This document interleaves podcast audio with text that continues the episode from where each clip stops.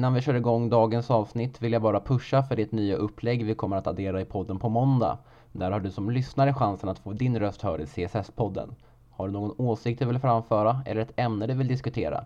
Tveka inte att höra av dig på csspodden.gmail.com och beskriv vad det är du vill prata om så hör jag av mig. Mer information om detta finns att läsa i vår Facebookgrupp CSS-podden eller på Twitter där vi heter Chelsea Swee. Nu kickar vi igång dagens avsnitt.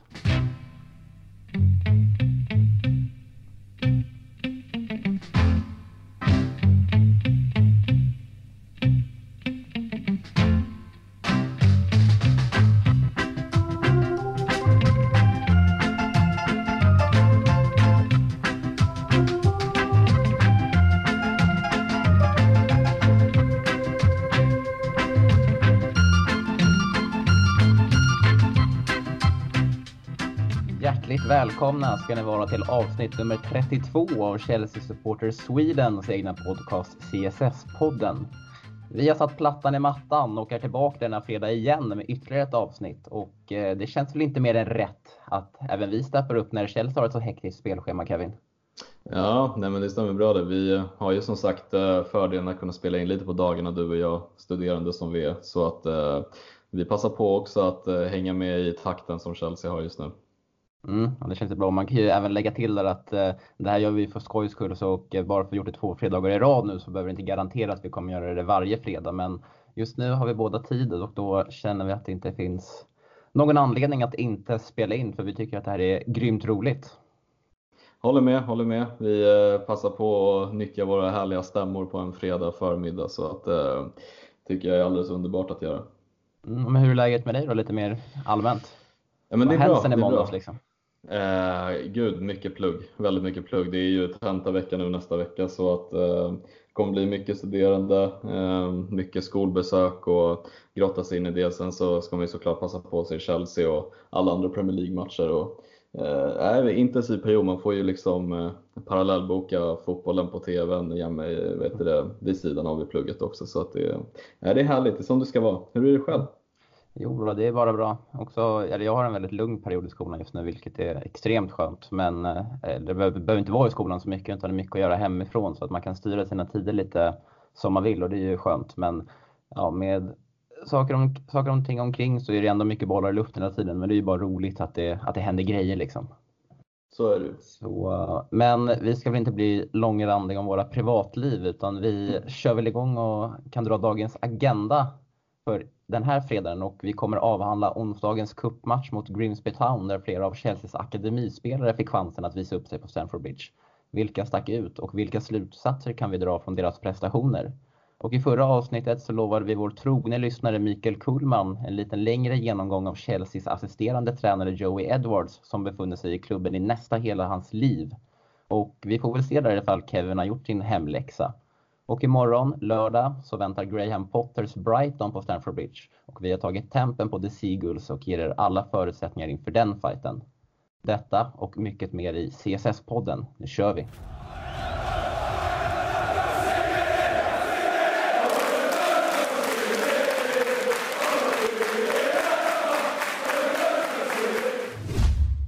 Frank Lampard tog äntligen sin första seger på Stamford Bridge och det eventuella hemmaspöket som lyssnaren Joakim Nilsson spekulerade i är som bortblåst. Men trots detta så var ju inte riktigt själva vinsten som stack ut i onsdags utan det var att vi fick se så många egenfostrade produkter på chansen från start. Och, eh, men matchen slutar ju hur som helst 7-1 till Chelsea och med tanke på motståndet så känns det väl lite larvigt att eh, djupdyka, djupdyka och analysera vad det var Chelsea gjorde bra i matchen. Det var ju i ärlighetens namn klasskillnad och 1-0 målet Barkley gjorde tycker jag, tycker i alla fall jag är ren komedi. Det såg så otroligt lätt ut när han bara gled förbi där och eh, smällde in 1-0 målet. Men med eh, Billy Gilmore, Mark Guehi, Reece James, Callum Hansen-Odoi, Ian Matsen, Tino Anjorin var ju, den, var ju de som fick visa upp sig på Stamford Bridge och jag tänker att vi ska gå igenom deras insatser lite mer djupdykande och se lite vad vi kan ta, ta med oss från deras prestationer och eh, tänker att vi börjar direkt med eh, Billy Gilmore och Ja, Kevin, vad såg du av den unge skotten i onsdags?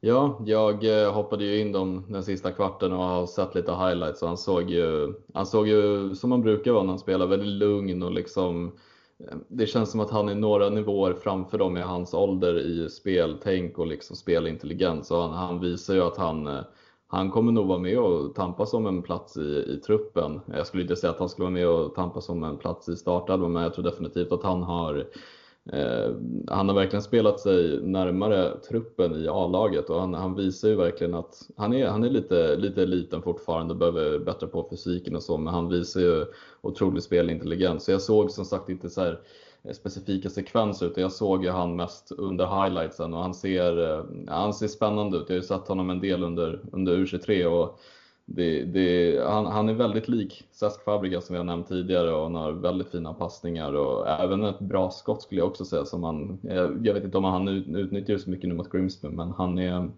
han är nog eh, efter Callum Hudson idag en av de största talangerna vi har i, i Chelsea idag. Mm, han är ju bara född år 2001 där och eh, du nämnde Fabregas och eh, den gamla spanjoren, han var ju ute och hyllade Gilmores insats på Twitter efter matchen och sa att, eh, att det här är en spelare som kommer, eh, som, som har en stor framtid framför sig och det, det tyckte jag, för det tyckte jag också lite, för det är själva den rollen som, som man ändå har på planen, så det här med att styra mittfältet som vi är vana att se Jorginho göra till exempel. Och det är väldigt imponerande att se ja, men, Gilmore då, född 2001, var han är precis fyllt 18, skrev på ett nytt fyraårskontrakt med Chelsea, bara kom in ändå och, och ändå var så dominant på mittfältet. Och då tänker jag främst då på hur han, alltså hur han ändå försöker vara den här länken i speluppbyggnaden och kan styra och ställa sina lagkamrater. Så att jag blev också väldigt positivt överraskad av Gilmore, även fast man visste att han ändå hade det i sig på något sätt sedan tidigare.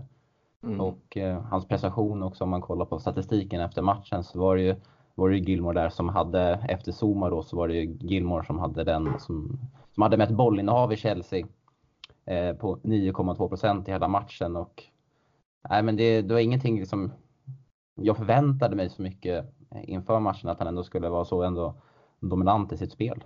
Mm. Nej precis, och så här, vi får inte heller glömma att det här var mot Grimsby som spelar några ja, divisioner under, men det, men det är ändå imponerande att komma in eh, under, under en sån här ändå, ja, en cupmatch liksom mot ett par, eh, ett dassgäng som kanske har ändå ganska stora starka spelare liksom och spelar mycket på sin fysik. Och, eh, nu var det ju så att Chelsea hade mycket bollinnehav så att det var ju en bra matchbild för hans del och han fick styra och ställa så det passade honom väldigt bra. Och, Eh, men alltså man, man ser ju verkligen på spelsättet att han påminner väldigt mycket om Cesc Fabregas och eh, speciellt som den här mittfältsgeneralen där man liksom styr och ställer precis som du säger och kom in så ung liksom. Och det visade han även i Toulon-turneringen när han spelade för det skotska, skotska eh, ungdomslandslaget där. Och där var han ju också yngst i truppen men blev ändå utsedd till turneringens spelare och var absolut viktigast i Skottlands ungdomslag. Och jag menar, det är en sak att vara fantastiskt talangfull som en ungdomsspelare. Sen gäller det också att ta klivet upp till A-laget när man väl får chansen. Jag tycker att han har gjort absolut godkända insatser när han väl har fått chansen. Hans inhopp möjligen var kanske inte eh, det skulle jag nog säga att det kanske var mer Lampards fel för att han slängde in honom i lite fel tillfälle. Men här fick han verkligen ut sitt register och visa eh, de personer på Stamford Bridge som kanske inte sett honom tidigare hur faktiskt talangfull han är och jag tror ju att han har en väldigt ljus framtid till mötes. Så att det, jag tror också, har man Lampard som tränare så har det nog ännu större chans att kunna slå igenom. Mm, och Lampard sa ju där efter matchen också att det, det är nu det hårda arbetet börjar för sådana som Gilmore nu när de har fått sin debut, eller han fick debut mot Sheffield, men sin startdebut i alla fall, att det är nu det hårda arbetet verkligen börjar att visa att man ska vara med och eh, spela regelbundet i A-lagstruppen och ja, och med tanke på Chelseas ändå mittfält så känns det ändå som att eh, Gilmar har ändå en väsentlig chans där att kunna få lite mer, fler chanser under säsongen. Även fast jag inte tror att han kommer ta någonting ordinarie redan i år, utan det tror jag är ett par år framöver. Men mm. trots att det är Grimsby som vi möter där, att man kanske inte ska dra för allt stora slutsatser, så tycker jag ändå att när, när de här unga, unga spelarna kommer in som är födda 2001 och år 2000 så, och vi som Chelsea-supportrar tycker att vi har rätt ändå att sväva iväg lite och eh, ändå vara extremt positiva. Ja men det tycker jag och det visar ju också hur långt fram vår ungdomsakademi är. Jag tänker liksom kollar man United mot Rochdale tror jag det var de mötte så de hade ju svårigheter att vinna matchen, vann på straffläggning medan vi hade majoriteten ungdomar i vår startelva som, som ändå mm. sopade mattan mot Grimsby hemma med 7-1. Eh, och jag menar, United satsar ju på sin unga talang Lingard i startelvan och vi satsar på Gilmore i startelvan och några andra ungdomar så att det visar ju verkligen ja, hur långt fram vår akademi är och det har ju folk vetat sedan tidigare men att man får, får se det nu. För jag tänker under Sarri så, ja, man fick se Callum Hudson och Doy. that's it egentligen. Man fick se några ungdomar på bänken men Lampard vågar ge dem chansen i startelvan vilket är väldigt kul att se. Mm. Och eh, Gilmore efter matchen, eller det var som jag läst till mig efter matchen, det och du som kanske har sett eh, lite mer U23 än vad jag har gjort så kanske du kan bekräfta det här, men han beskrivs ju verkligen också som en ledare i U23. Och eh, det såg man ju väldigt mycket på, på planen. Men eh, en annan spelare, om vi ska gå från ledare, så har vi ju våran lagkapten i U23 så är det ju Mark Guehi, ursäkta uttalet där, för jag har ingen aning om hur man ska säga. Men eh, ja, vad säger du om hans insats? Jag tycker att eh, i och med motståndet där och, och med tanke på siffrorna så det var ju liksom ingen match där man kan liksom se på en mittback om den gjorde en bra insats eller inte. Jag tycker han bara såg allmänt stabil ut. Ja, nej men precis. Det är, det är svårt att kräva mycket från en mittback i en sån här match. Och gör du en, en, en bra insats som mittback så är det oftast att du är anonym och kanske inte gör större misstag, liksom, vilket var hans, eh, var hans insats eh, mot Grimsby. Han utmärkte sig inte speciellt mycket, men han är, man kan se tydligare under U23 att där har han mer ansvar med passningsuppbyggnad och eh, väldigt liksom, eh, ska man säga, han är en mittback som inte alls är feg för att kanske gå upp i banor och våga bryta lite högre upp och så eh, i U23. Sen är det en helt annan nivå. Jag tror att nu när man gör sin A-lagsdebut så vill man kanske inte eh, sticka ut allt för mycket och kanske göra bort sig utan det var en, en godkänd insats och jag, jag har ju sett honom som sagt en del i U23 och jag blir inte förvånad om man spelar i A-laget nästa år, kanske i truppen då eh, också. Det, det, är nog några år kvar innan man kan snacka om en plats i startelvan men han, är, han tillsammans med Anjorin och Gilmore är de tre som jag tycker sticker ut mest i U23. Mm, och det var de som fick chansen här i onsdags. Men en eh, lite negativ aspekt vi kan, eh, som i alla fall jag känner kring Guehi i alla fall var, eh, eller man behöver inte dra för allt för stora växlar utav det, men själva kommunikationen i backlinjen där, där han ändå var högst involverad när eh, Grimsby där ändå gör sin reducering till 2-1 så är det ju, det är ju både han och Zuma framförallt står ju och sover där och typ förväntar sig att den andra ska eh, Eh, ta bort den där ytan där ändå bollen där ändå bollen hamnar. Och det var även också någonting man kan tillägga som Frank Lampard var väldigt hård med på presskonferensen, att han var ju inte nöjd eh, med insatsen utifrån att de ändå släppte till det där målet för att eh, han nämnde ju där att någonting som de hade videoanalyserat mycket inför matchen var ju att Grimsby är väldigt starka på långbollar och att vinna andra bollen efter långbollarna och fick en liten känga där ändå, Guehi bland annat, att ja, är man inte tillräckligt uppmärksam på videoanalysen inför matchen så kan det få konsekvenser. Men det är ändå bra att, eh, att, att det ändå händer så att de ändå kan eh, lära sig av sina misstag. Och mm. eh, det är ju lite så det ändå kanske är den här matchen att ja, men debuten avklarad, det kanske kommer lite misstag och det är någonting man får dra lärdomar av. Mm. mm, ja men precis, speciellt i en sån här match så är det okej okay, kanske att göra ett misstag när man vinner med 7-1. Sen så tycker jag Lampard ändå är rätt ute för att vår backlinje har varit svajig och man får ändå ha stor respekt för att det här är Guays debut. Han har troligen inte spelat med Zuma tidigare, kanske bara på träningar. Eh, och eh, situationen i sig, jag tycker ju också Zuma som ändå besitter mer rutin och var lagkapten i slutet av matchen borde ändå kanske ta lite mer ansvar i den situationen än att täcka upp för Guay. För jag, jag tror att det var Guay som stötte upp i ryggen på Grimsby-anfallaren och då borde mm. Zuma kanske falla ner och vara beredd på att det kan komma lite längre boll. Jag tycker från första början ska dock Zuma vara den som är uppe i ryggen då han är vår nickstarkaste spelare. Så att man kan ju se situationen på olika sätt liksom. Men alltså jag tycker, alltså, ja, hade jag varit Lampard hade jag också varit nog lite så besviken på att vi ändå släpper in ett mål mot ett lag som är, huserar i division 4 tror jag det blir va, i, i England. Ja men precis, och... ja, men jag tror han, han suktar väl extremt mycket efter första nollan där och då blir det mm. lite extra surt. Och det är väl ändå lärt av Frank Lampard här under inledningen av säsongen att han ändå är brutalt ärlig på presskonferenser efter och mm. det, det är ju skönt. Mm, ja, nej, men gud, det uppskattar jag hellre det än att man sitter och pratar i gåtor som typ Rickard Norling kan göra i Allsvenskan. Liksom. Så att, eh, eh, nej, men jag tycker det är helt rätt ut av, av Lampard. Jag tycker vi borde Alltså, även i sådana här matcher borde vi slipa på vår defensiv som inte har sett, sett, ut, eh, sett ut att vara den bästa i, i början av eh, säsongen. Så att, eh, allt som i allo, det, det är ungdomar som spelar vårt, eh, för första gången på, i Chelseas A-lag. Så att man får ha all respekt för det också. Mm, absolut, och någon som också gjorde sin debut var ju Reece James som har varit skadad då sen, eller han gjorde, jag kan ju börja med att nämna att han gjorde en succéartad eh, säsong i Wigan förra säsongen där han även blev inröstad i Player of the Year i Championship och fick bära binden i Wigans sista match för säsongen. Skadade sig olyckligt i en eh, ungdomsmatch för England i början på juni. Men nu är han tillbaka och eh, han var ju verkligen tillbaka med besked.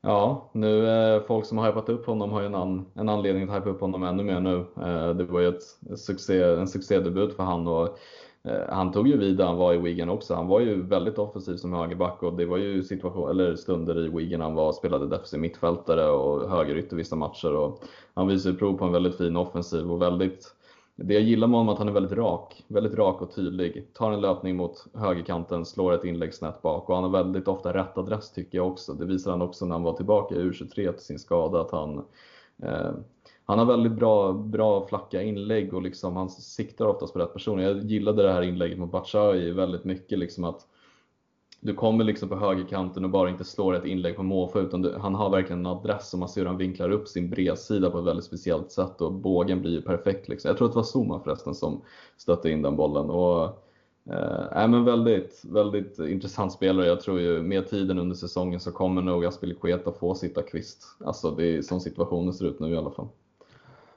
Ja, absolut. Och, eh, men jag, jag vet inte om det var för att jag hade, för, inför matchen så var ändå Reece James och den som jag hade högst förväntningar på. Det, med tanke på alla de, man har ju ändå sett, sett skralt med honom, med honom där under Wigan och nu skulle man äntligen få se honom i Chelsea-tröjan och eh, mina förväntningar var väldigt höga. Jag blev väldigt besviken på honom i början faktiskt. Jag tyckte inte att han startade matchen särskilt bra men han växte in i, in i den mer och mer och det bevisar ju ändå med tanke på sina mål och eh, målassist han ändå gör i, i slutskedet av matchen där.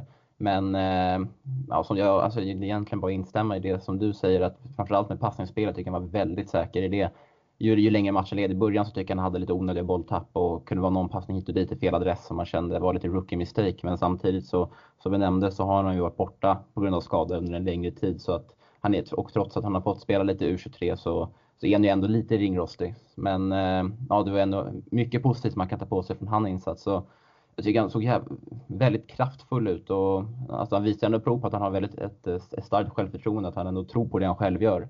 Och det är väldigt viktigt med tanke på, han är, vad är han, han är född 99 eller 00. Och mm. eh, det är ju också imponerande i, i den normen och det, i, i, den åldern och det kan vi väl dra lite paralleller med Billy Gilmore också som kom, kom in med ett väldigt stort självförtroende. Men det är ju kul.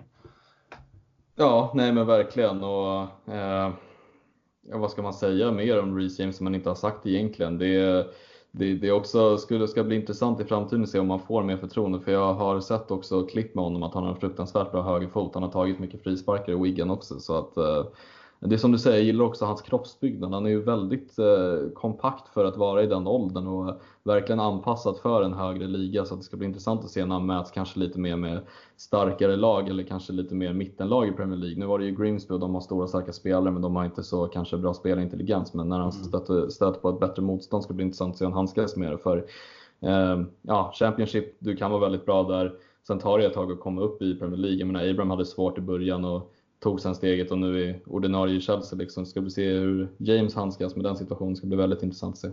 Mm, och jag tror också att han, han kommer att vara en spelare i alla fall så vi kommer bli vana med att se när vi, ja, en timme före avspark i alla fall, eh, när Chelsea presenterar sin trupp och bänk och startelva och så vidare eftersom att det är ju, efter att Queta så är det ju bara Reece James som är vår enda naturliga högerback i truppen så att han tror vi kommer få se en, en del under den här säsongen.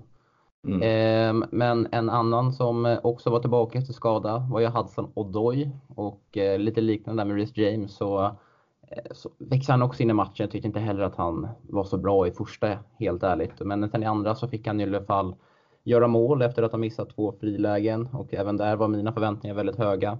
Eh, och i slutändan så var det ändå en bra insats av Hudson Odoi men Frank Lampard hade, hade, hade sina tvivel med, den, eh, med ungdomens insats till en början. Och vi kan väl lyssna på vad han hade att säga på presskonferensen efter matchen.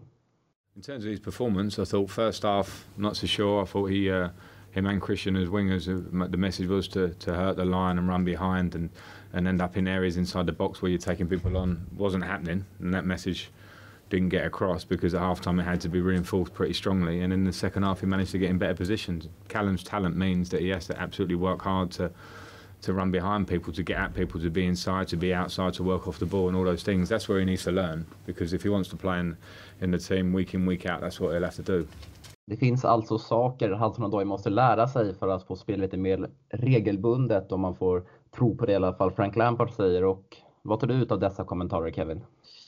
Uh, nej men jag tar ut vad jag tar ut av det egentligen, det är, det är någonting Callum Hudson måste tänka på. Även Sarri var på honom många gånger förra året om att liksom, nu var det en helt annan filosofi, men att Callum Hudson ska förstå filosofin tränaren använder. Och Eh, nu såg jag som sagt inte första halvlek, men vad jag förstod det som så, så var både Pulisic och Callum Hudson en besvikelse för att tänk, tanken var ju att de skulle löpa lite mer bakom backlinjen och våga utmana lite mer. Men vad jag kunde se i andra halvlek så gjorde man det betydligt oftare och det var ju också för att Chelsea hade en stor ledning och Grimsby tröttade ihop. Och, nej men det är ju det, vi alla vet att Callum Hudson är fruktansvärt bra en mot en, eh, fruktansvärt bra avslut, men han måste ju precis som en kanske Sterling utveckla sitt spel lite mer eh, och liksom mm. hela breda registret liksom som, som en ytter ändå är. För att det handlar inte bara om att kunna vara fantastisk på utmana utan du måste kunna värdera situationen när du ska ta en löpning och inte ta en löpning när du ska öppna upp ytor för ytterbackar eller andra spelare. Liksom. Så att, eh, han är ju fortfarande ung och det här är ju väldigt bra med honom att han är så pass långt fram när han är så här ung så att det går ju verkligen att forma på honom tror jag. Mm, och det är väl lite det Frank Lampard är inne på också på själva på presskonferensen därefter att hans talang liksom eh, gör att han, eh, att, att, att, han måste lära sig utveckla där, att eh, ja, men ta de här löpningarna för laget istället för de här in, individuella prestationerna. Som att, för att han är ju väldigt skicklig mot en och gillar att utmana, vilket han gör väldigt bra, men det, det, funkar inte alltid. Då tänkte jag att det hade varit intressant att höra om, vet du, om Eden Hazard hade hamnat i lika situation, vad Frank Lampard hade sagt efteråt då. För det är, mm. liksom, det är ändå lite så här, samma där också. För Hazard har ändå varit, ändå varit ett återkommande genom alla hans managers som José Mourinho, Antonio Conte och Sarri. Liksom att, eh, det, det, är svårt att tygla en sådan spelare med tanke på den, ändå, den talang han besitter. Och han, och det, även om man inte kanske är den bästa på att följa taktiska direktiv så är det en, en, en spelare av så hög kvalitet så att du måste ha honom på planen. Liksom. Mm. Ja, nej, det var lite, lite, intressant. Men eh, jag tycker ändå det är väldigt hårda ord ändå från Frank Lampard och jag tänkte kolla lite med dig där vad du tycker och tänker. För om man, om man kollar till exempel på Pep Guardiola så har ju han ändå, sa han i den här uh, dokumentären som gjordes om City för ett, för ett par år sedan där att han ändå att eh, alltså jag, jag kommer skydda, att han kommer skydda sina spelare i allt de gör på planen och om de spelar dåligt så kan han ändå skydda dem och bla bla bla och det är någonting de kommer lösa individuellt. Det enda jag kräver från er det är att ni ger yttersta på planen. Men Frank Lampard har ju ändå varit brutalt ärlig i sina presskonferenser. Han säger vad han tycker och tänker utan att, eh, utan att filtrera bort någonting. Och hur, vad är din take på det? Tycker du det är bra eller tycker du att, att det borde tas lite mer internt? Alltså jag som person, om jag hade varit kanske i någon av spelarnas situation så hade jag ändå uppskattat ärlighet snarare än att man eh, skyddar dem utåt och tar det liksom inside the dressing room eller hur man ska säga. Eh, jag uppskattar ju liksom att höra ändå vad Lampard tycker och tänker för oss Men vill du att han ska säga det liksom i, alltså som supporter är det jättehärligt att höra vad, mm. exakt vad han tycker och tänker men hur tror du spelarna reagerar på det att, att, att, att det inte tas internt utan att det tas utåt? Men jag tror Även också att det också man... tas internt såklart. Jo, men jag tror som spelare så måste du också kunna plocka ut det Lampard ändå vill säga. Det är ju ändå så förbättringsmaterial för spelaren. Han nämner en, fortfarande Callum Hudson-Odoys talang, men saker han behöver förbättra. Och det är så här, som spelare när du är 18 år gammal så måste du ändå ha insikt att det, det är grejer du måste fortfarande berätta, eh, vet du, förbättra och lära dig av. Så jag tror liksom eh, är du en spelare kanske med lite mer egoism och är lite mer eh, säregen så kanske du har svårare att ta åt dig av det. Men då tycker jag, alltså då är man ju fel ute som spelare. Jag tycker att sådana situationer måste man kunna handskas med. Alltså det är i mitt tycke i alla fall. Och, eh, alltså jag tror att det där, är en, det där är en smaksak som spelare, vad man uppskattar. Om man uppskattar en mer, mer ärlig liksom, tillvägagångssätt eller om man är lite mer, eh, tar det lite mer internt. Men alltså personligen så tänker jag att sånt måste man ju kunna ta som fotbollsspelare. Alltså det, det, det är ändå tränaren som, som ger det förtroende. Jag tror att han har väldigt gott att säga om Kalle Mattsson och Doy i övrigt. Liksom. Men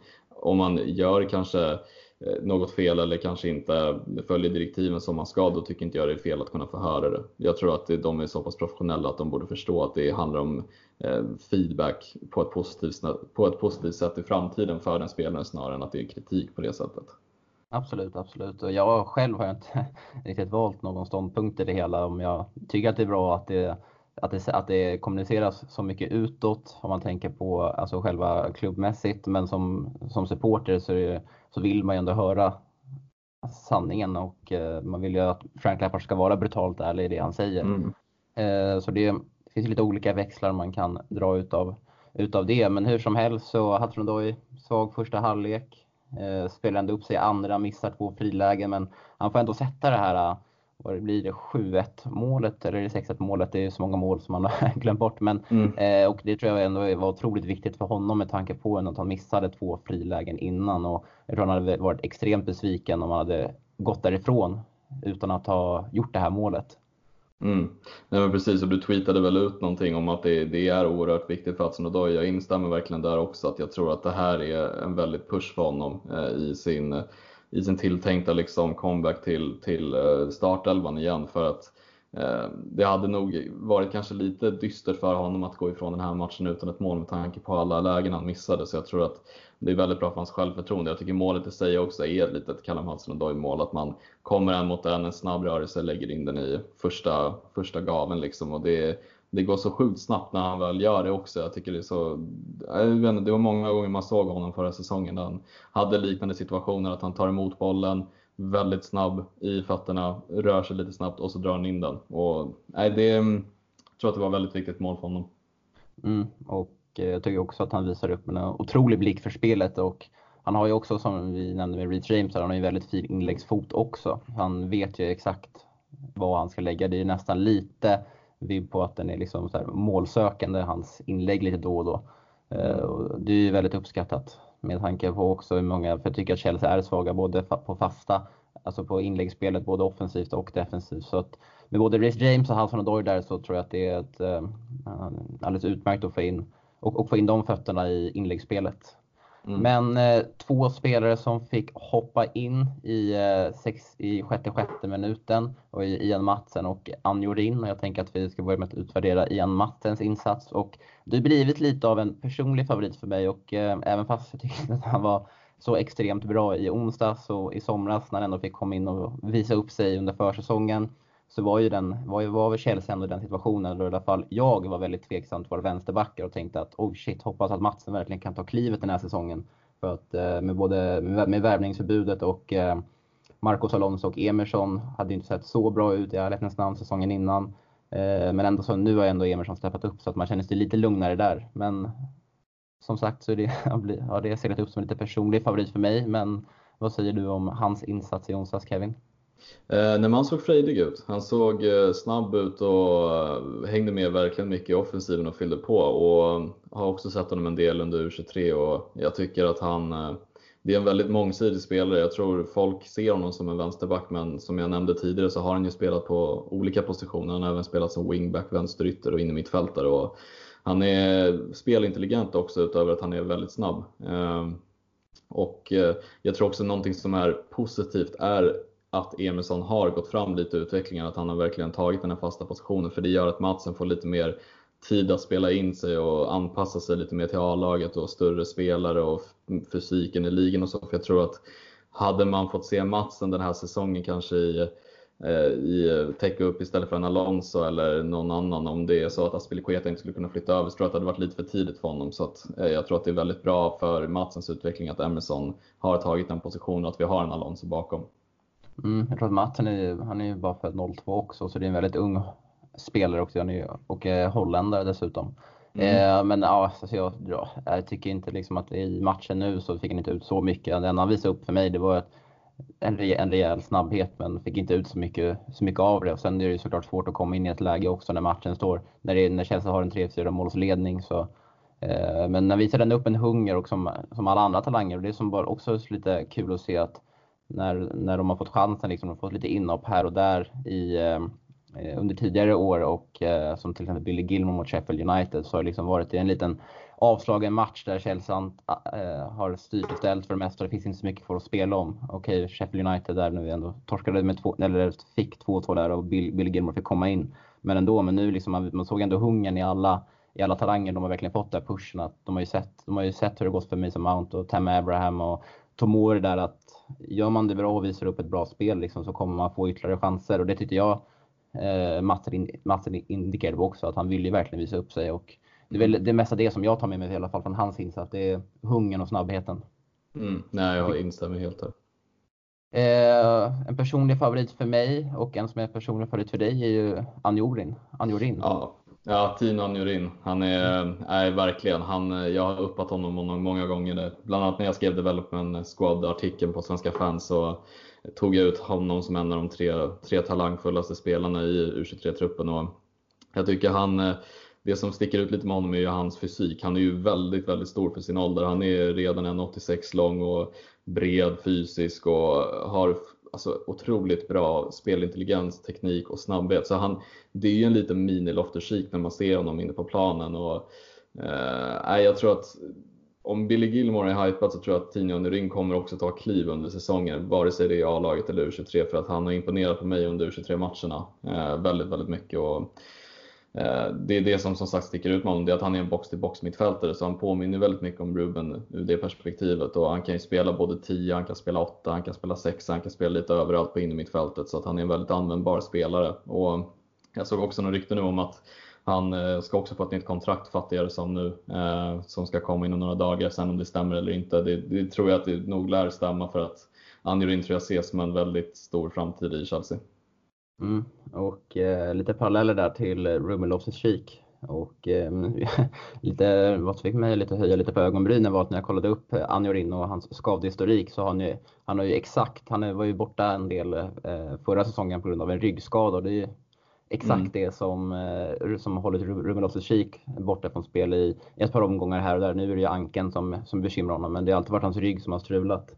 Och det, är mm. liksom, det tyder väl kanske lite mer på att eh, han är väldigt lik Robin Loftus-Cheek i sin spelstil. Han kanske utsätter sin kropp för eh, exakt samma vridningar och saker mm. och ting som gör att ryggen tar stryk. Det vet man ju inte. Men, eh, eller man behöver inte lägga någon vikt alls för det. Men det var, ja, kanske var en lite rolig spaning med tanke på att alla eh, ändå drar likheter mellan honom och Ruben Loftus-Cheek. Men ja, han kommer också in där samtidigt som, eh, som Matsen och, eh, och vill också visa upp sig och tycker också att han gör det bra. Liksom. Alltså, han mm. gör det bra. Alltså, mm. Kommer in och han hade väl en, han hade en chans där som kunde blivit, som kunde gjort bättre, kunde blivit mål. Men mm. eh, också styr och ställer lite där på det offensiva mittfältet medan Billy Gilmore styr och ställde lite på det defensiva. Eh, och eh, han arbetade hårt liksom och visade att han visade ändå att han, han har det i sig lite. Mm. Nej, verkligen. Jag, Alltså om det är någon från U23-truppen, eh, förutom kanske Billy Gilmore som är mest upphypad, så tror jag faktiskt att det är, det, det är Tina Anjorin som kommer komma inom framtiden. Vi får se om, om det jag säger stämmer. Jag har sagt mycket grejer som inte stämmer, men eh, Anjorin har jag väldigt stort förtroende för. Jag, jag diggar verkligen honom som fotbollsspelare på planen. Och eh, det är en sak att möta kanske U23-lag och sen komma upp till A-laget, men jag tror, får han eh, mer erfarenhet så har han väldigt mycket paketet redan med sin fysik och teknik. Så att, eh, det ska bli intressant att följa honom. Mm, spännande. Eh, och en person som har eh, hållit dessa alla grabbar i handen sedan de eh, satte sin första fot på Chelseas träningsanläggning Cobham är ju Joey Edwards som idag är assisterande tränare för Chelsea. Och du har ju studerat honom under veckan Kevin och vad har du luskat fram för något? Ja, nej, men vi lovade ju vår kära lyssnare att eh, ta fram lite information om honom och jag körde en liten snabb research om honom. Och, Eh, det finns mycket att säga om honom. Vi kan ju börja lite med att han är först och främst beryktad som en av de bästa ungdomstränarna i hela England. Eh, han, eh, han var en tidigare Chelsea akademispelare men det blev inte så mycket mer än några pojkmatcher för Chelsea. sen så har han varit inblandad i akademins tränarstab sedan 2004 och han fick ansvaret bland annat för U18-laget under säsongen 2014 och 15 och 2015-16 där det blev succé när man vann FA Youth Cup två gånger då. Eh, mm. Och under säsongen 2016-17 arbetade han då som teknisk rådgivare för lånespelarna så att han man kan väl säga att han var den utsträckta armen för de som var utlånade och hade kommunikation med bland annat tränarna där och spelarna där och allting gick och så, så att han var som en mentor för de spelarna. Och han, en annan intressant faktor var att han var ju med i tränarstaben för Englands U18-lag som vann Toulon-turneringen 2017. Um, ja, nej, sen så var han ju huvudtränare då för Development Squad eh, och ledde dem till semifinal i Czech Trade Trophy då som är en turnering för League 1, League 2 och de två divisionerna under där plus U23-lagen då. Eh, där man kom till semifinal mot Lincoln men förlorade på straffar och det, det är också det längsta ett eh, U23-lag har kommit i Czech Trade Trophy så att det är också en, en härlig merit. Mm. Och jag är lite ändå imponerad kring hans ringa ålder. Som du säger så han, ju, han spelade ju i, han, i Chelsea, han har spelat i diverse ungdomslag och han kom ju till Chelsea där redan som 6-7-åring och redan vid 16-åring, när han var 16 år så la han ju fotbollskarriären på hyllan och eh, och då har sen dess, han var 16 typ, men som du säger, har varit i nästan varenda roll i hela, mm. hela, i hela Chelsea Akademi. Gjort med allt från om den här som teknisk direktör till han har tränat varenda lag och bla bla. Så det är ju en, alltså det är en, fotbolls, en fullblodig fotbollstränare helt enkelt. Och mm. Det är sjukt imponerande eh, för mm. den åldern. Han fyllde 33 år igår, eller 34 år fyllde han igår till och med. Ja, är det, så? Ja. 34, då räknar vi fel. Nej, 33 var det. Han är född 86 och nu är det 2019, så 33 år ja. igen. Ja, och, precis. Ja, och det är väl som också därför, det resonemanget ändå som Mikael Kullman hade där i sin fråga var ju att han blev ju väldigt eh, uppad av Erik Niva i Viasat-studion inför matchen mot Liverpool och eh, och det, och det Erik Niva ändå där menade med det var jag, med Chelsea ändå lyckade akademi var att de kan ju, att man kan spendera hur mycket pengar som helst på A-laget, men när det kommer till akademilaget så är ju liksom, det, är, det är hårt och smart jobb som, som ligger bakom framgångarna där. För där kan man inte köpa till sig talang, utan det är någonting som utvecklas. Och mm. där har ju, har ju Joe Edwards varit en väldigt central del i det hela. Så det är verkligen mm. en hyvens gubbe vi har där på tränarbänken. Ja, nej men gud verkligen. Och som sagt, han har ju även varit med i Englands u-landslag i, i staben där också. Och Eh, nej, men han har ett rykte av sig att vara väldigt, väldigt, alltså en av de bästa ungdomstränarna i hela England. Så vi ska vara väldigt lyckligt lottade att han är kvar i vår förening och jag tror han är ju perfekt för Lampard i, i den situationen vi är i nu med vi måste lyfta upp lite mer ungdomsspelare i A-laget och så. Så att han, han har ju den kunskapen. Eh, så mm. det är en eh, hyvens gubbe verkligen. Ja. Mm, absolut och eh, vi är väldigt glada, glada över att ha han i klubben. Men om vi går tillbaks lite till eh, själva matchen så kan vi väl bara konstatera lite snabbt att eh, trots att eh, talangerna såg pigga och fräscha ut så kan man ändå konstatera det ändå. Det var ju ändå Barkley, Zuma och Alonso som ändå stack ut i den här matchen, enligt mig i alla fall. Mm. Och eh, någon som man hade lite högre förväntningar på, som inte heller fick till lite samma kritik där som Hudson Odoi, som även Lampard sa efter på presskonferensen där var ju Christian Pulisic som inte fick ut någonting. Och det är ju en sån här match som man förväntar sig att han ska komma in och dominera. 6 miljoner kronor från Borussia Dortmund. Men eh, han fick inte riktigt heller till det. Nej, man, eh, man saknar ju lite ord numera på Pulisic och det är klart man ska inte ge upp hoppet, det är väldigt tidigt men man blir ju besviken på att det, liksom, den här kanske avgörande matchrollen inte händer lite för honom för att det, det har hänt lite för lite och han har inte tagit initiativ. Jag tycker han ser väldigt feg ut på planen. Och jag, vet, jag känner inte riktigt igen Pulisic. Jag tycker när jag sett honom mycket i Dortmund och i landslaget så det ser ut som en helt annan spelare när han spelar där och har större spelglädje. Det, jag tror att han måste våga ta för sig lite mer och tro lite mer på sig själv för att han, jag tycker att han passar ändå som klippt och skuren för Lampards spelfilosofi och vilken position han spelar på. Så han, han, det, det, jag vet inte, det är frustrerande att man inte kan spela bättre mot ett lag som Grimsby när man väl får chansen. Och, ja, vi får se hur det artar sig nu i framtiden för honom. För att han har ju, just nu tycker jag Callum Hudson-Odoi ligger före honom i, om en startplats. Mm, jag blev lite förvånad med tanke på när man lyssnade till Frank Lampard efter, efter matchen var ju att, eh, att han saknar det här direkta spelet in bakom eh, Grimsets backlinje och det är ju ändå det som, som jag sett av Pulisic att det, det är han ju väldigt stark på. Han är ju väldigt rak och en bra djupledsspelare men det känns som att han i den här matchen också kanske försökte bevisa sig lite tekniskt också, försöka dribbla bort några Grimsby-spelare utan att lyckas hela tiden. Och mm. Jag vet inte riktigt vad som händer där men som du säger, det är fortfarande väldigt tidigt och eh, han kommer ju såklart få sina chanser och jag tror ändå att när säsongen är slut så kommer han ju ändå vara, så bör han ju ändå vara en, en av dem som ändå har tagit en ordinarie tröja i Chelsea av alla de här. För han får ändå också anses som en talang, han är 20 bast. Så mm. han kommer ändå, kommer ändå vara en av dem tror jag som kommer som kommer vara ordinarie i alla fall i startelvan när vi går in där mot april, maj månad. Utan de behöver bara lite tid och eh, som du också är inne på där att spelfilosofin ändå som Frank Lampard förespråkar borde ju passa Pulisic väldigt väl. Så eh, det är nog bara en fråga om tid. Och som mm. sagt, det är många matcher kvar på säsongen. Det kommer, kommer finnas många chanser för honom att visa sig. Mm. Eh, så man behöver inte vara, nog vara speciellt orolig där, även fast man hade väldigt höga förväntningar på honom inför den här matchen. Och eh, en till sak som jag vill plocka ut från Grimsby-matchen är ju att det var Pedro faktiskt som tog straffen, även fast Barkley var på planen. Och eh, mm. där var ju också Lampard väldigt tydlig med efter, på presskonferensen efter att han sa ju att det som är bra med mitt jobb är att det är jag som får bestämma vem som ska vara kapten och vem som ska ta straffarna. straffarna. Och idag valde jag Pedro och han tog straffen och gjorde mål. Och det känns ju också, vi, vi sagt här att vi uppskattar ju Frank Lampards ärlighet i, på presskonferensen och vi var ju övertygade om att det var Barkley som var första straffskytt efter matchen mot Valencia. Men det här känns som en, alltså efter den straffen som han missade där Barkley så känns det här som en, det är ju en, det är en petning av Barkley där på straffpunkten.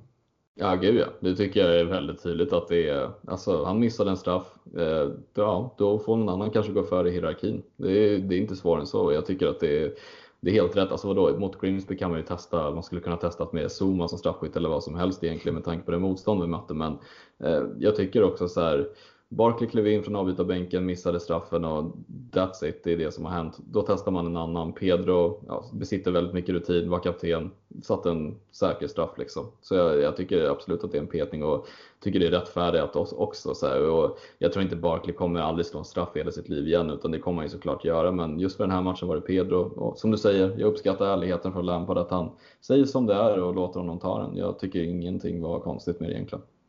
Pedro som kapten då? Var det någonting som du trodde när vi gick in för den här säsongen att Pedro kommer leda laget i någon av matcherna? Ja, alltså det är man lite chockad över. Jag ser ju inte Pedro som en kanske ledargestalt på planen, men han, han har ju, man kan ju inte diskutera hans rutin som han har från spel i Barcelona och i Chelsea i flera år, så att det, det man blir ändå lite chockad att han är kapten, men av de spelarna på planen tycker inte jag det var fel att just Pedro kanske var det. Möjligen Zuma kan jag också se som en liten minikapten på, på den startelvan vi hade, men mm. idag blev det Pedro och det tycker jag var helt okej. Okay. Jag tycker inte, i en sån här match är det svårt när man inte har sina ordinarie kaptener på planen. Mm, jag tror Zuma fick ta över binden där när Pedro blev mm. utbytt mm. i sjätte sjätte eh, mot Anjorin. Så uh, Eh, det finns lite ledaregenskaper kanske i fransmannen, men hur som helst. 7-1 till Chelsea mot Grimsby och vi är således vidare till den fjärde rundan i Carabao Cup där vi får möta Manchester United på hemmaplan i slutet av oktober och det är en match som vi har en revansch att utkräva från premiären och det är ändå skönt att den kommer eh, väldigt tidigt och hoppas på nya framgångar i ligacupen. Du vet väl om att du kan bli medlem i CSS? Via vår sida på Svenska fans kan du läsa om hur du blir det och vilka förmåner det ger. Så gör som 800 andra och bli medlem du också.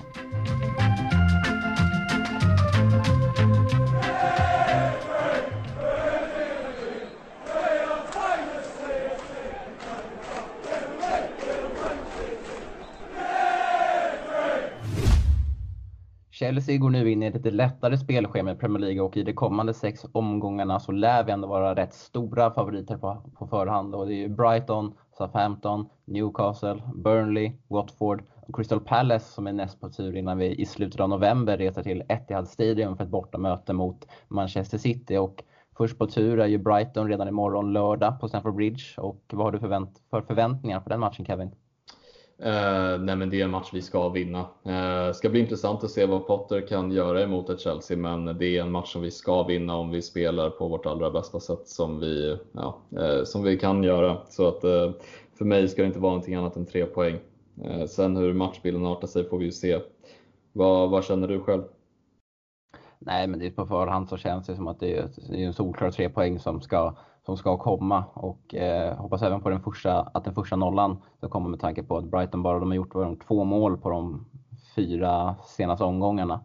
Så att, eh, men samtidigt så vet man ju att Graham Potter är en enskilt väldigt skicklig taktiker så att han kan ju ändå göra livet surt för, för, för de flesta lagen ifall, ifall spelarna även har en bra dag. Mm. Eh, och med tanke på att Chelsea ändå är lite svaja, svaja i sina prestationer så, så vet man ju inte all, alltid. Men jag tror ändå att det är 80% chans i alla fall att vi tar oss ur den här matchen med tre poäng. Och, ja, man uppskattar ändå mycket nu att det är så mycket matcher och det, det, det är inte mycket vila emellan och det är bara pang på hela tiden. Och extremt taggar och ja, så det ska bli extremt kul. Och som du säger, jag tror att Chelsea kommer ändå, det, det kommer såklart vara det spelförande laget och hoppas att man lyckas vara det över hela 90 minuter den här matchen. Vad man har haft lite problem med tidigare under säsongen. Mm. Men med tanke på att vi får tillbaka mer och mer ordinarie spelare nu så äh, det kan inte bli annat än tre poäng och en bra insats från hela laget. Jag ser ingenting annat framför mig. Nej, exakt. Och jag tänkte bara nämna lite om Brighton om det är okej okay för dig. Om, ja, ja, eh, li, lite vad de har för, för spel. De har ju nu med Potter gått över till en mer tre, trebackslinje. De brukar köra lite 3-4-3 eller 3-5-2 och variera lite däremellan. Så att det, det stabila mittbacksparet man kommer ihåg med eh, Duffy och Dunk har ju blivit lite mer utbytt nu. För Duffy har fått sitta kvist några gånger så att det är Oftast är det Webster, Dunk och Burn som brukar spela i trebackslinjen och, och Burn är en spelare som är intressant med eh, hans fysik. Han, jag tror att han är 2,02 eller något sånt där. Eh, fruktansvärt eh, långsam och fruktansvärt stor. Sen så har de ju värvat in en, en belgare som är väldigt intressant, Trossard heter han, som spelade i Undrar om jag blandar alltid upp Genk och Gent, men något av de två belgiska lagen som mötte Malmö i Europa League och han lekte ju med Malmö när de möttes på, jag tror Malmö mötte dem borta. Sen har de ju också gjort sig av med om du kommer ihåg Florian Andone som var deras mm. Eh, anfallare med Murray som de brukade variera mellan. Han drog ju på sig rött senaste matchen, eller inte senaste, precis innan transferfönstret skulle stänga drog han på sig rött. Blev utlånad i Galatasaray, skickad därifrån. Så har de valt att satsa vidare på Mopé och uh, Murray istället som de anfallarna som finns i truppen. Och Mopé är ju en väldigt intressant spelare som kommer från Sanet igen från början, som var en riktig fotbollmanager-anfallare som var eh, väldigt talangfull i ung ålder. Sen så stagnerade hans karriär lite, gick till Brentford, eh, öste in mål där och nu har han värvat till Brighton. Så att eh, Potter tror ju mycket på honom och har gett honom mycket förtroende. Han har gjort några mål nu i början. Och, alltså, Brighton har ju sin eh, vissa spelare som sticker ut. De har ju Pascal Gross till exempel på mittfältet, tysken som är, har väldigt spelskickliga fötter, väldigt långsam men är bra skott, följer med bra upp i anfallen och är rätt målfarlig från mittfältare. Så att med Potter som tränare så får man ju alltid akta sig lite. Det är, jag har väldigt stor respekt för Potter för vad han har gjort med Östersund och även i, nu i Brighton. Jag tycker han har startat bra utifrån förutsättningarna han har. Så att, eh, det ska bli ett intressant möte och se om kanske Lampard anpassar sig efter en trebackslinje som gjorde mot Wolves eller om man kör vidare på en fyrbackslinje. Det är mm, också det någonting jag tänker på.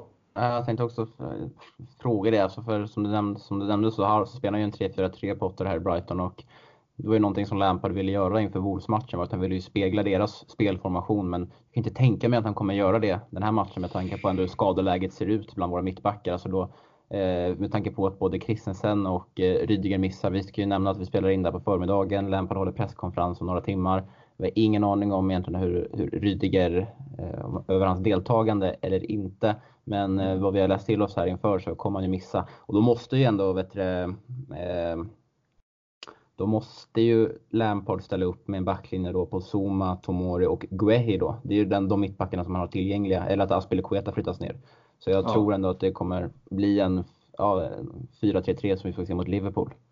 Ja, nej men det håller jag med om och det är också vad jag tror. Men Eh, det är bara en liten intressant notis att vågar han spegla det mot eh, Wolves så kanske han skulle våga göra det mot Brighton och man vet ju inte med Lampard. Han har varit väldigt oförutsägbar i laguppställningen. Jag menar du och jag har inte klippt rätt någon gång på någon startelva eller formation så att det ska bli, eh, ska bli intressant att se. Det är någonting jag i alla fall har i åtanke. Och som sagt, jag har väldigt stor respekt för Potter och jag tror att de, de har spelare som sticker ut och de kommer nog göra, göra det svårt för Chelsea. Men har vi en bra dag så ska vi vinna den här matchen.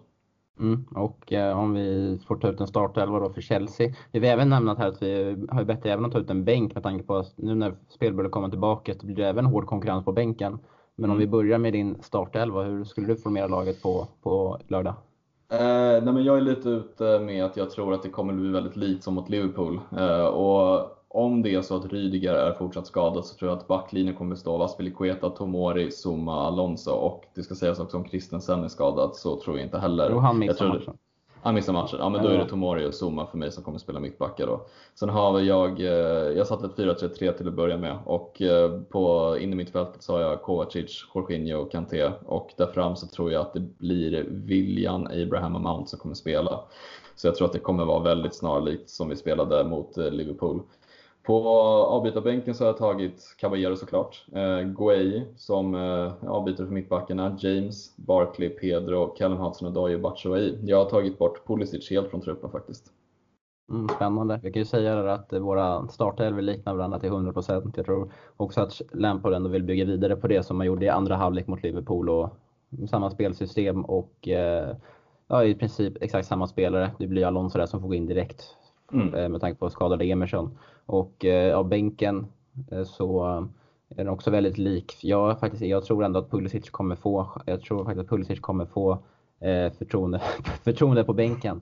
Men, och att Hals von faktiskt är utanför. Och det tror jag mest är för att jag inte tänkt på det särskilt mycket. Men ja, alltså Alltså, alltså det, jag, tror, jag tror det är lättare för en Frank Lampard att ställa en Hudson utanför än Pulisic med tanke på att, med tanke på att Hudson precis kommer tillbaka och att eh, Pulisic ändå är en spelare som har varit in för väldigt dyra pengar och det skulle nog slå, det är nog lättare för Lampard att motivera för Hudson istället för Pulisic varför han är utanför truppen och jag tror inte att det spelar, alltså det är någon stor skillnad där heller.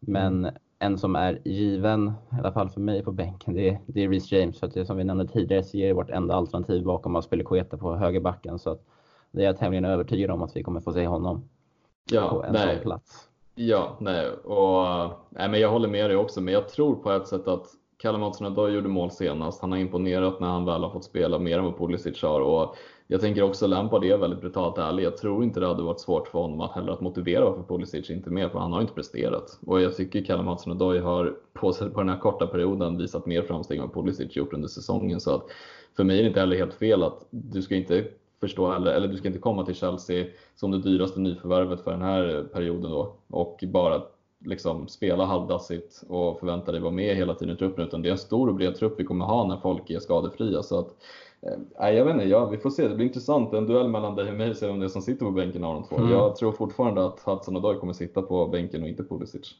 Nej, men jag tror, alltså, alltså, vi kan börja med att Pedro kommer nog vara given på bänk med tanke på att det, det är den enda egentligen våra rutinerade eh, mm. alternativ där på yttermittfältet. Så, så det står ju mellan Pulisic och Hudson och Doyle där. Men ja, jag vet inte, jag tror att Pulisic, alltså han, alltså, han måste ges chansen ändå. Och, jag tror ändå att det kan vara perfekt för honom. Men det är lika perfekt för Hudson Odoi ändå kom in kanske när vi har ett, har ett bra resultat i ryggen mot, mot, mot Brighton och få komma in och försöka få mm. ut någonting av den matchen. Och, ja men precis. Ja, det känns tror... ändå också med tanke också på då att Hudson Odoi kanske är lite före Pulisic just nu av, det vi, av de växlarna vi får dra från matchen mot Grimsby. Så tror jag ändå viktigt för Frank Lampard att få igång Pulisic också.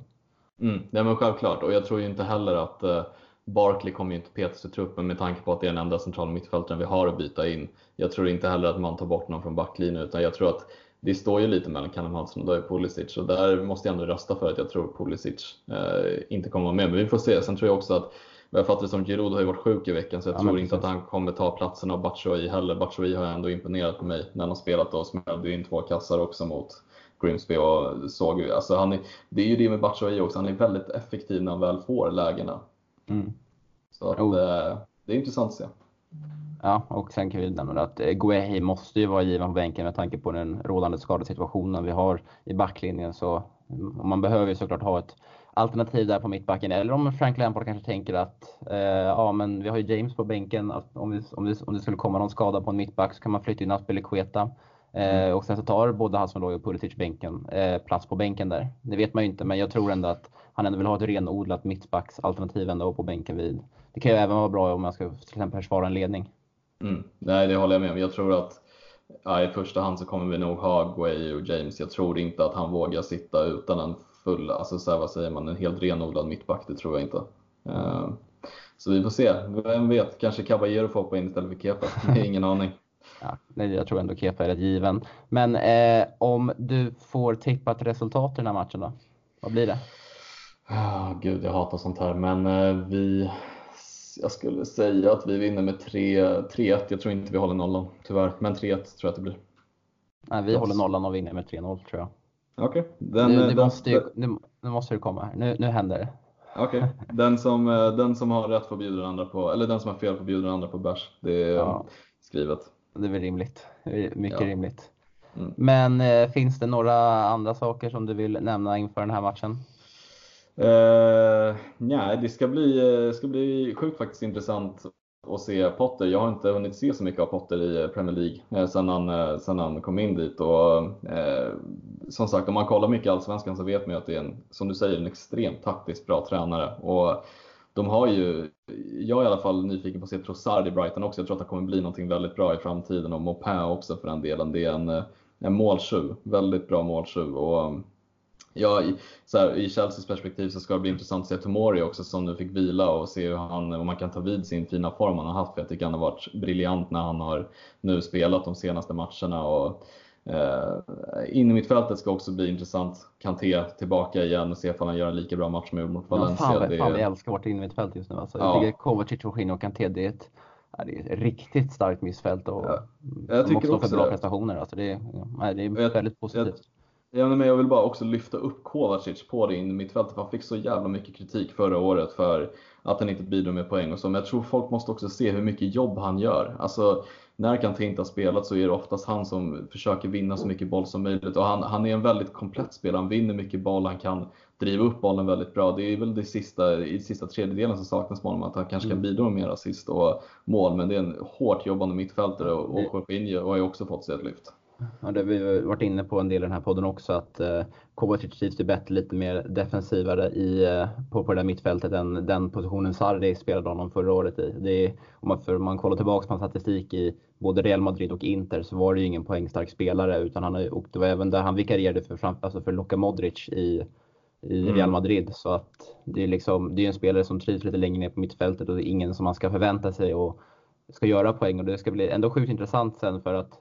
hur som helst, jag tror inte att vi kan hålla, en, eh, hålla i längden ändå att vi har ändå så tre eh, defensivt inriktade mittfältare och se vem det är som eh, får stå vid sidan av. För jag tror ändå att när, när Losse Kik är tillbaka och han är och har kommit in i det så tror jag att han ändå kommer ta en ordinarie plats på det mittfältet. Och får se hur det kommer se ut då. Det ska bli mm. otroligt spännande men ja, just nu så trivs jag jättebra med, med det mittfältet som det ser ut just nu. Och eh, det känns lite tryggt också med tanke på, att, eh, med tanke på vad Chelsea är just nu. Ändå att vi har tre stabila pjäser på det där mittfältet. Så nej, det ser fram emot att se dem också igen. Mm. Det ser fint ut. Ja, och jag Men, tycker bara en mm. sista, sista, sista, sista grejen är också ja. intressant att se hur, hur William skulle spela i den här matchen. För jag tänker på att nu har vi ändå en Kalle Mattsson tillbaka. Vi har en Pulisic som fortfarande väntar på att få sitt genombrott kan viljan hålla ifrån start, alltså spelarna från startelvan ska också bli intressant att se om han nu skulle starta. För jag tror, får han chansen från start den här matchen så är det här hans match att verkligen bevisa att han ska ha en plats i startelvan. För annars tror jag att han ryker när Kalle Mattsson är tillbaka helt och hållet. Och mm. vi har en Pedro också där som sitter och väntar. Mm, jag tror han nog känner flåset i nacken, William. Men eh, ja, hur som helst, vi tror ändå på en bekväm seger imorgon. Och eh, med det får vi börja runda av. Och jag får väl pusha på det här nya upplägget som vi tänkte köra igång med från och med måndag där, vi har, där du som lyssnar på podden har chansen att eh, höra av dig till oss och eh, framföra en åsikt eller någonting du bara allmänt vill diskutera. Så kommer vi att eh, ringa upp dig då innan, innan inspelning och för att delta och eh, vara med i detta så mejlar man csspodden gmail.com och framför då vad det är man vill eh, diskutera eller om det är någon åsikt man har. Och det ska bli sjukt spännande Kevin.